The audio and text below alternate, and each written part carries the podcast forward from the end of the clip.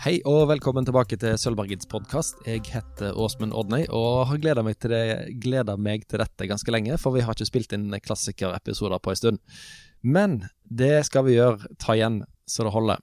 I dagens episode skal det dreie seg om eh, romanen Veggen. Den er skrevet av Marlene Haushofer fra Østerrike, og den kom ut på tysk i 1963. Haushofer har et ganske kort forfatterskap. Hun døde dessverre bare 50 år gammel i 1970. Veggen ble oversatt til engelsk i 1990, og har etter det fått et stort publikum verden rundt. Den fins òg på norsk. Så, Thomas, Veggen, hva handler den om? Når man forteller om handlingen, så høres det utrolig teit ut. Men sånn kort fortalt så er det en, en Det er ikke helt angitt hvilket uh, tidsrom det er, men jeg tipper at det er sånn Altså det er sikkert når den ble skrevet, på 60-tallet en gang eller noe sånt. Uh, så er det en dame som kommer på besøk til noen venner som bor i, som, i en hytte på en liten fjelltopp. Um, Høres koselig ut. Ja, ja, kjempekoselig. De to som, det paret hun hilser på, da, de, skal, de, går ned til, til, det lille tettstedet for å gå på, på, en pub, tror jeg. Og hun blir ikke med, for hun er trøtt. Og så, og så neste morgen når hun våkner, så har ikke de kommet hjem. Uh, og hun er helt alene. Og så begynner hun tenke at hun skal gå ned og lete etter dem. De har sovet over nede i teststedet. Og så går hun nedover, og så dunker hun inn i noe. Så, og så klarer hun ikke å komme seg videre. Så viser det seg etter hvert, skjønner du at, he, at hele den lille toppen hun er på, er liksom dekka av en usynlig Hva heter det? Kåpa? Hva heter det? Um, eh, kuppel? Kuppel, ja. Uh, og, altså, det er ikke så lite, for det viser seg etter hvert at hun, at hun kan jo leve et helt liv der på en måte med Hun kan dyrke mat, og hun har en ku der, og, uh, og det er det som er hele konseptet. da. Hun er, hun er lukka inn der, og så ser hun, forstår etter hvert at uh, det har skjedd noen slags katastrofe, og kanskje det er bare hun som er igjen, liksom. Og det som holder henne i gang, er at hun har sin hund. hun har en ku som, som er der, og så en katt jeg, jeg har lyst til å si så veldig mye om handlingen, fordi den er lagt opp som en slags eh, thriller, kan man nesten si.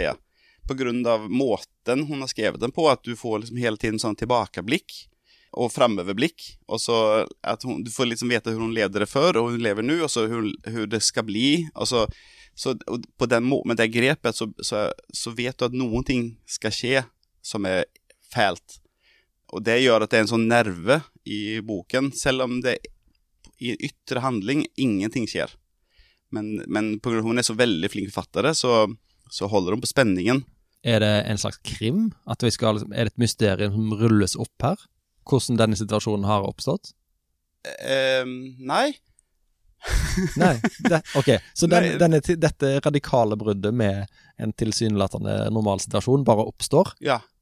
Og så er det hvordan eh, hovedpersonen eh, forholder seg til det? Ja, og, og det er på en måte med så, ja, Tilfeldigvis i dag eh, så er det kjempefint vær, og jeg har sittet ute utenfor mitt hus før jeg kom på Sølvberget for å spille inn med deg, og satt og leste For jeg tenkte jeg skulle skrive en artikkel om litterær, litterær fiksjon eh, mot på en måte populærbøker, eh, eh eller underholdningsromaner. Og da har jeg sittet og lest litt, og da føler jeg på en måte at, eh, at dette er på en måte en litterær litterær bok, som, men likevel har spenningselement. da. Det er ingenting som, ingenting som skal nystes opp. På en måte, du, du, du, kan ikke regne med at du får vite hvorfor dette skjedde. Det, mm. det er mer på en mm. måte som en sånn uh, antropologisk studie med hva som skjer uh, når du blir ja. isolert. Ja, for det, Den typen skildringer finnes det jo i litteraturen fra før. Jeg tenker på uh, selvfølgelig Robinson Crusoe. Ja. Han blir jo kasta på ei øy og må, må klarer seg. Ja. Uh, og så har du denne filmen med Tom Hanks, 'Cast Away'. Ja. Han blir uh, overlevd flystyrt og driver land på ei øy. Ja. Med en basketball? Med det en uh, basketball Eller er det en volleyball? Eller er det amerikansk fotball? Men det, det, er i hvert fall tidenes beste produktplassering. For du vet, du, du vet hva den heter, den ballen? Nei.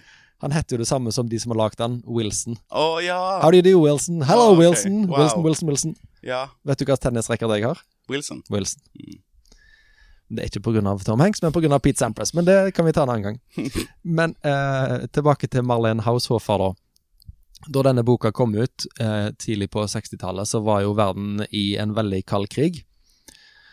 Eh, og det at det senker seg ned en vegg over personene, har jo blitt tolka liksom, som et bilde på eh, kanskje kanskje eh, Berlinmuren eller eh, øst-vest-konflikten eller hva som helst. Ok. Det, leste du det med noen sånne politiske briller? Nei. Jeg, jeg har en enastående evne til å, til å ikke se noe som helst dype elementer i bøkene jeg leser. Jeg, jeg, jeg er på en måte jeg er veldig flink til å Om jeg skal, tolke, om jeg skal si det på en positiv måte om meg selv, da, så jeg er veldig flink til å bare være i fortellingen, på en måte. Jeg, jeg tolker ikke så mye. Mm. Uh, for meg så er det nå høres det litt ut i begynnelsen at den, at den er veldig kjedelig, men den er absolutt ikke kjedelig. Det, det er noen ting med måten hun legger opp fortellingen på som gjør at det er en sånn nerv hele tiden. Den er også filmatisert. Uh, og så snakket jeg med en kollega akkurat før vi skulle inn her, hun sa at det, i filmen også er det en sånn veldig ubehagelig nerve som går dirrer liksom hele tiden. En må jo spørre, da, når vi nå er i uh, sommeren, eh, 14 måneder etter koronaen traff oss, er dette ei bok folk har godt av å lese etter eh, 14 måneder med korona? Eh, personer som blir isolert og må lære å klare seg sjøl? Ja, altså ehm, När vi begynte med den här, eh, det här, eh, vet, vad, kallar vi det? Social distancing. Så kom jeg tenke på den här boken. Det var som du sa, 14 månader siden. Så jeg skrev verdens lengste artikel. Du kan sikkert länka til den på Sølvberget där, for det, eh, Jeg jag läste om den igjen. Och, eh, det är liksom, det, då visste jo ikke jeg at dette skulle vara liksom ett og et halvt år. liksom. men, men jeg skrev en artikel om, eh, om det å, och liksom eh, vara ensam och vad som gör att man går, eh, å gå videre. Vad, det var en sånn psykolog som sa at uh, det som gjør at folk syns det er vanskelig å være helt ensomme, er at det betyder at de selv må stå De må gi sitt eget liv mening.